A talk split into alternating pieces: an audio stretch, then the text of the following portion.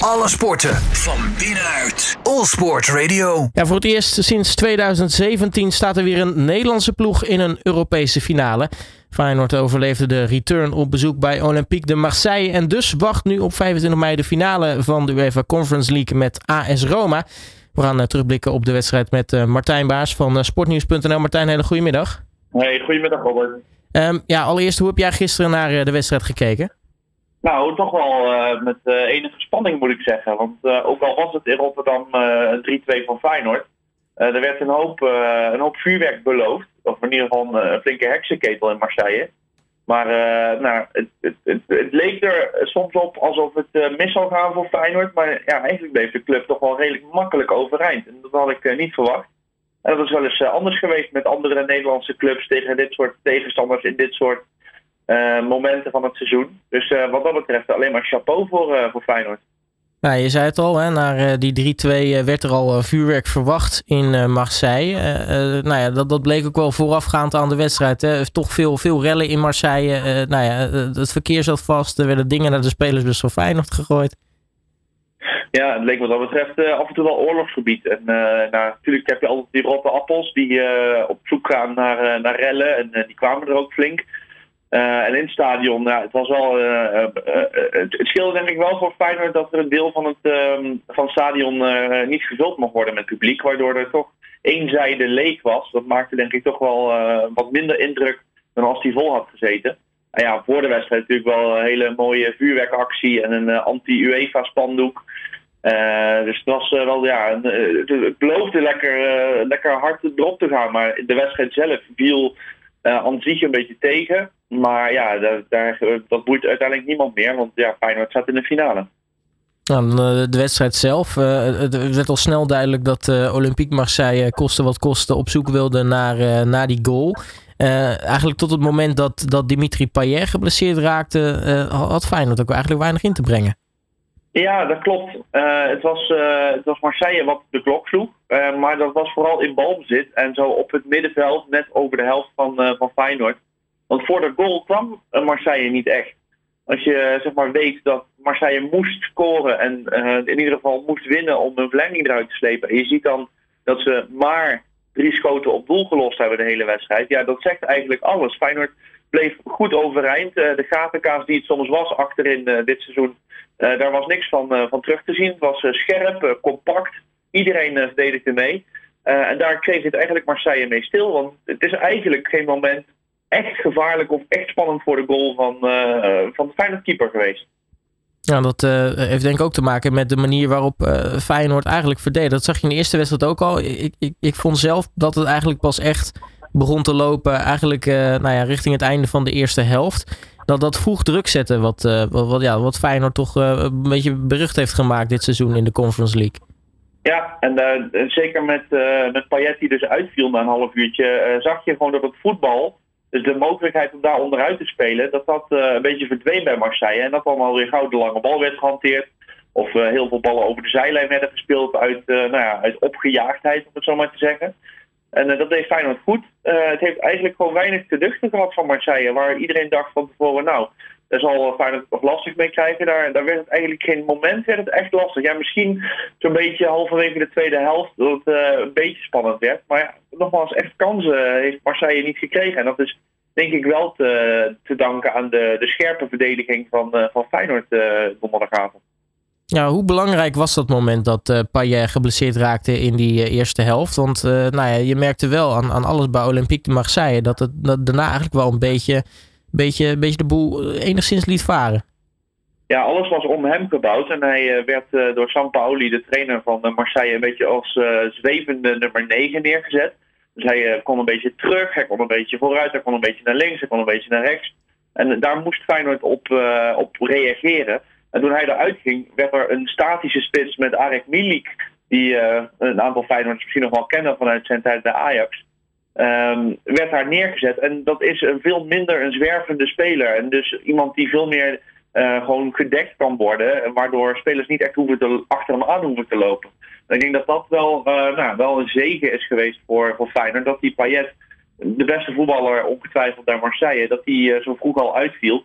gelukkig niet door een vieze overtreding, want dat is altijd een beetje jammer. Maar ja, het schoot, het schoot erbij en in toen hij een bal wegtrapte. En ja, door die wisseling, dus doordat een, een zwevende nummer 9 uh, eruit ging voor een statische nummer 9, kon Feyenoord eigenlijk veel makkelijker de, het mannetje in de gaten houden en dus heel compact blijven staan. Ja, ik hoorde tijdens uh, de wedstrijd hoorde ik ineens een uh, statistiek voorbij komen wat, wat mij uh, enigszins verbaasde. want, nou ja, ik herinner me Arik Milik natuurlijk ook gewoon als, als spits van, van, van Ajax voordat hij naar, naar, naar Napoli geloof ik vertrok. Ehm, maar hij heeft dus nog nooit gescoord of, of überhaupt gewonnen van Feyenoord. Nee, dat is een statistiek die ik niet heb gehoord, maar die inderdaad wel verrassend in de oren klinkt. Ehm, ik weet niet of de Feyenoorders dat wisten. Ik wist niet of, of Arik Milik dat zelf ook weet. Uh, maar ook die uh, hebben we behalve op één kopbal uh, in de handen van Ovie Marciano, hebben we die eigenlijk ook op een moment gezien. net zoals we heel Marseille eigenlijk niet gezien hebben. het was, ja, was dominant en dat lees je ook terug in alle buitenlandse media. En de reacties van Marseille-spelers die zeggen, ja, Feyenoord was gewoon, is gewoon heel erg goed, zowel met als zonder bal. en dat is denk ik wat gisteren het verschil heeft gemaakt.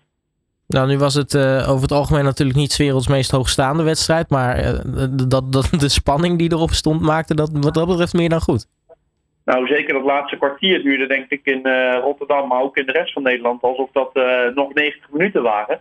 Want ja, het, werd spannend, er werd tijd gerekt. je vroeg je al af hoeveel zal er dadelijk bij komen. En trapt bijna niet één keer in die, in die tactiek van Marseille. Eh, maar bleef eigenlijk simpel overeind. Want ook in dat laatste 10 minuten, toen Marseille wist, nou goed, dan moeten we maar alles uh, overboord gooien en heel veel risico nemen. Ook dat kwam er gewoon niet echt uit. Uh, wat ik zei, ja, drie schoten op doel van, van Marseille in de hele wedstrijd. Ja, dat is gewoon veel te weinig voor een ploeg die moet. ja, dat is te danken aan Feyenoord. Maar ja, inderdaad, het laatste kwartier dat, was, was goed spannend.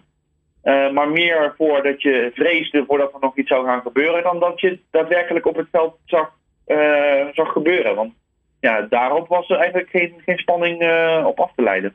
Nou, op, op het laatste waren het inderdaad, nou ja, het, leek erop alsof er uh, het middenveld eigenlijk compleet werd overgeslagen. Het waren eigenlijk, nou ja, dan was Marseille voor de goal, counter Feyenoord voor de goal, counter Marseille voor de goal. Zo, zo ging het eigenlijk een beetje het laatste, laatste paar minuten. Maar Feyenoord kreeg er ook in best nog wel wat, wat, wat kansen. had, ze hadden het zomaar al eigenlijk vroegtijdig kunnen beslissen. Ja, het had zomaar 2-0 eh, voor Feyenoord kunnen worden. Maar ik denk dat dat kwam doordat uh, Dessers en Kukju, die stonden zeg maar, met de laatste 10 minuten te gaan het, het, diepst van, van alle Feyenoord-spelers. Die waren gewoon helemaal kapot van het, nou, van het goede verdedigen van die voorgaande 80 minuten. Um, en dus zag je dat als ze dan ruimte kregen, ja, Dessers was dan wel sneller dan de laatste man van Marseille. Maar dan, dan moest hij zoveel meters afleggen dat hij eigenlijk zijn explosiviteit in zijn schot niet meer kwijt kon. Uh, en daardoor uh, nou, twee enorme kansen missen. Nou, Kukje had nog een hoop ruimte die je misschien af had moeten leggen. Uh, nou, Trauner schoot nog een keer uit de corner net over. Het had zomaar ook inderdaad nog in het voordeel van Feyenoord kunnen vallen. En wat dat betreft vond ik Feyenoord gevaarlijkere kansen hebben dan dat Marseille had de hele wedstrijd. Nou, de spanning bleef in ieder geval tot uh, nou ja, minuut 95 toen er uh, afgefloten werd. Uh, natuurlijk een, een zienende ontlading bij, bij, bij de Feyenoorders en bij de fans. nu door naar de finale op 25 mei tegen, tegen AS Roma. En, en, ik weet niet hoe het met jou zit, maar nou ja, AS Roma was al, het kwam nou ja, redelijk ternauwernood voorbij aan Vitesse. dat biedt toch kansen? Ja, ik ben uh, daarin heel voorzichtig, want ik zie het niet als Feyenoord tegen AS Roma. Ik zie het als Feyenoord tegen uh, José Mourinho. Uh, want alles wijst een beetje op een herhaling van de Europa League finale die Ajax een jaar of vijf geleden haalde. Toen dacht Ajax ook, nou, Manchester United zit helemaal niet lekker in de, in de wedstrijd, heeft een slechte vorm. die zijn te pakken. En dan tovert die José Mourinho, want het is niet voor niks een van de beste trainers ter wereld een of andere verdedigende tactiek uit zijn hoge hoed die de wedstrijd helemaal doodmaakte. Uh, en uh, waar Ajax gewoon niet mee om kon gaan. En zo'nzelfde um, finale zie ik zomaar weer gebeuren als Feyenoord tegen AS Roma staat. Want ja, daar is Mourinho dus de trainer. Het zou me niks verbazen als die weer een of andere smerige tactiek uit de hoed tovert. Waardoor Feyenoord niet aan het voetballen komt. Via een richting van, van richting veranderd schot AS Roma op 1-0 komt en daarna gewoon geen enkele kans meer aan Feyenoord biedt. Dus laten we niet uh, José Mourinho uitvlakken, want die heeft al vaker bewezen tactische meesterzet te kunnen doen. Maar ja, als je kijkt naar wat AS Roma op het veld legt, ook tegen Vitesse. maar ook in, in de andere wedstrijden, ook tegen Leicester was het niet al te best. Maar goed, ze zijn wel door. Elke keer gaan ze wel door. En elke keer winnen ze dan met 1-0 of houden ze het gelijk. Dus AS Roma lijkt te kloppen, maar ik denk dat ehm, dat, nog wel eens een lastige klus kan zijn dan mensen van tevoren denken. Nou, Mourinho is natuurlijk beroemd om het, de bus achterin parkeren. Dus zo makkelijk wordt dat inderdaad niet. en als je het toch hebt over vergelijking met 2017. Toen was het natuurlijk Manchester United met José Mourinho. Maar ook met Henrik Mkhitaryan en Chris Smalling.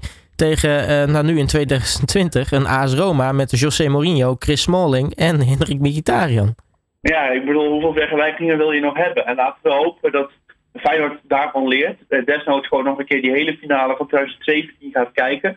Want ik kan me niet voorstellen dat uh, Mourinho met een andere tactiek op de proppen komt als toen. Want het weet ook, ja, uh, AS Roma is misschien wel de underdog in, in dit geval. Want Feyenoord presteert zo bovenmatig goed. En iedereen kijkt naar Feyenoord en iedereen vindt het zo mooi wat Feyenoord doet. Maar ondertussen is AS Roma gewoon naar de finale gesneakt. bijna letterlijk. En daar is Mourinho gewoon uiterst bedreven in. En met Tammy Abraham uh, in de spits bij AS Roma, uh, oudspeler van Chelsea, hebben ze ook nog eens een gewoon echt een goede goaltje die er zowel in de Serie A als in de Conference League dit seizoen al een aantal in heeft liggen. Nou, die is, die is natuurlijk geweldig bezig. ze zorgt natuurlijk ook voor het enige doelpunt in, in de return tussen, tussen AS Roma en Leicester. nu ben ik eigenlijk ook wel erg benieuwd, want in 2017 was nou ja, had, Manchester United natuurlijk blind tegen Ajax.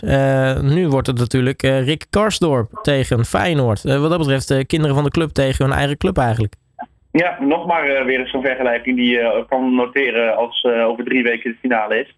Ik denk dat dat van Karsdorp wel echt ook moeilijk wordt. Want Karsdorp is wel echt geliefd bij het legioen. En heeft wel echt nou, een Rotterdamse roots bij wijze van spreken. had Blind natuurlijk ook, maar daar, bij Ajax zitten dan meer uh, kwaliteitsspelers. Waardoor Blind dan een beetje vergeten wordt. Maar Karsdorp is echt uh, onderdeel van dat Feyenoord dat kampioen werd uh, in 2017, geloof ik. En ehm, dat is echt een jongen van de club. En ik denk dat hij ook nog wel eens terug gaat keren bij, bij Feyenoord. Maar ja, hij zal voor persoonlijk succes gaan. En Karsdorp wil natuurlijk heel graag mee naar het WK straks. en er is niet zo heel veel concurrentie op die plek. Dus ja, het zou ook zomaar kunnen dat Karsdorp misschien wel de sterren van de hemel speelt. Maar ja, laten we het voor Nederlands voetbal hopen dat het niet zo is. En dat bijvoorbeeld een Jahan Baks of een Nelson, want die zal wel misschien wel starten, het tegen Karsdorp nou, goed kan doen. Ja, we hebben natuurlijk ook nog 0-10 op zijn bovenbeen, of net, net op, onder zijn bovenbeen op zijn onderbeen getatoeëerd staan. Dus dat, dat wordt nog wat, die Rick, Karsdorp. Ja. Tot slot, ja, over drie weken is het dus zover. volgens mij, als het, als het er zo uitziet, heeft Feyenoord na de laatste competitieronde toch nog tien dagen om, uh, om die voorbereiding aan te gaan. Wat, wat, wat, verwacht jij van die wedstrijd met uh, nou ja, misschien een uitgerust Feyenoord daar in uh, Tirana? Ja, het is nog drie wedstrijden in de eredivisie. Feyenoord is eigenlijk al zo goed als zeker van plek drie. Dus ze kunnen het zelfs nog een beetje laten lopen in de laatste drie wedstrijden. Maar je kunt je ook afvragen, Feyenoord zit in een flow nu.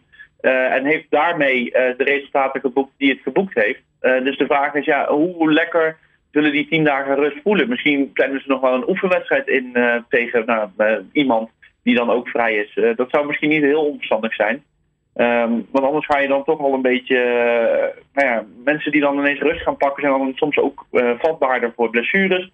Dus als je in zo'n flow blijft, dan is het misschien net weer even wat lekkerder om, om gewoon door te spelen. Dus ik ben benieuwd wat Feyenoord daar voor plan uit gaat trekken zal eerst de Eredivisie af willen maken. Nou, zondag eh, meteen wacht PSV in de Kuip. Kan het Ajax nog een beetje dwars zitten in de titelrace als het, het een beetje laat lopen. Maar ja, misschien willen ze ook wel gewoon lekker drie wedstrijden winnen met vol vertrouwen naar Tirana. Het is echt afwachten hoe Feyenoord die drie wedstrijden in de Eredivisie doorkomt. Want ook daar kunnen nog blessures ontstaan. En ja, wie weet wat dat dan nog voor invloed gaat hebben. We gaan het uh, allemaal meemaken. 25 mei dus uh, de finale van de UEFA Europa Conference League tussen Feyenoord en AS Roma. Eerste Nederlandse ploeg in de Europese finale sinds 2017 en de eerste Europese finale in 20 jaar voor uh, de Rotterdammers. Martijn Baars van Sportnieuws.nl mag je hartelijk danken voor je tijd en natuurlijk ja, veel, veel plezier ook komend weekend natuurlijk met alle mooie wedstrijden die komen gaan. Yes, we gaan ervan genieten. Tot snel. Alle sporten van binnenuit. All Sport Radio.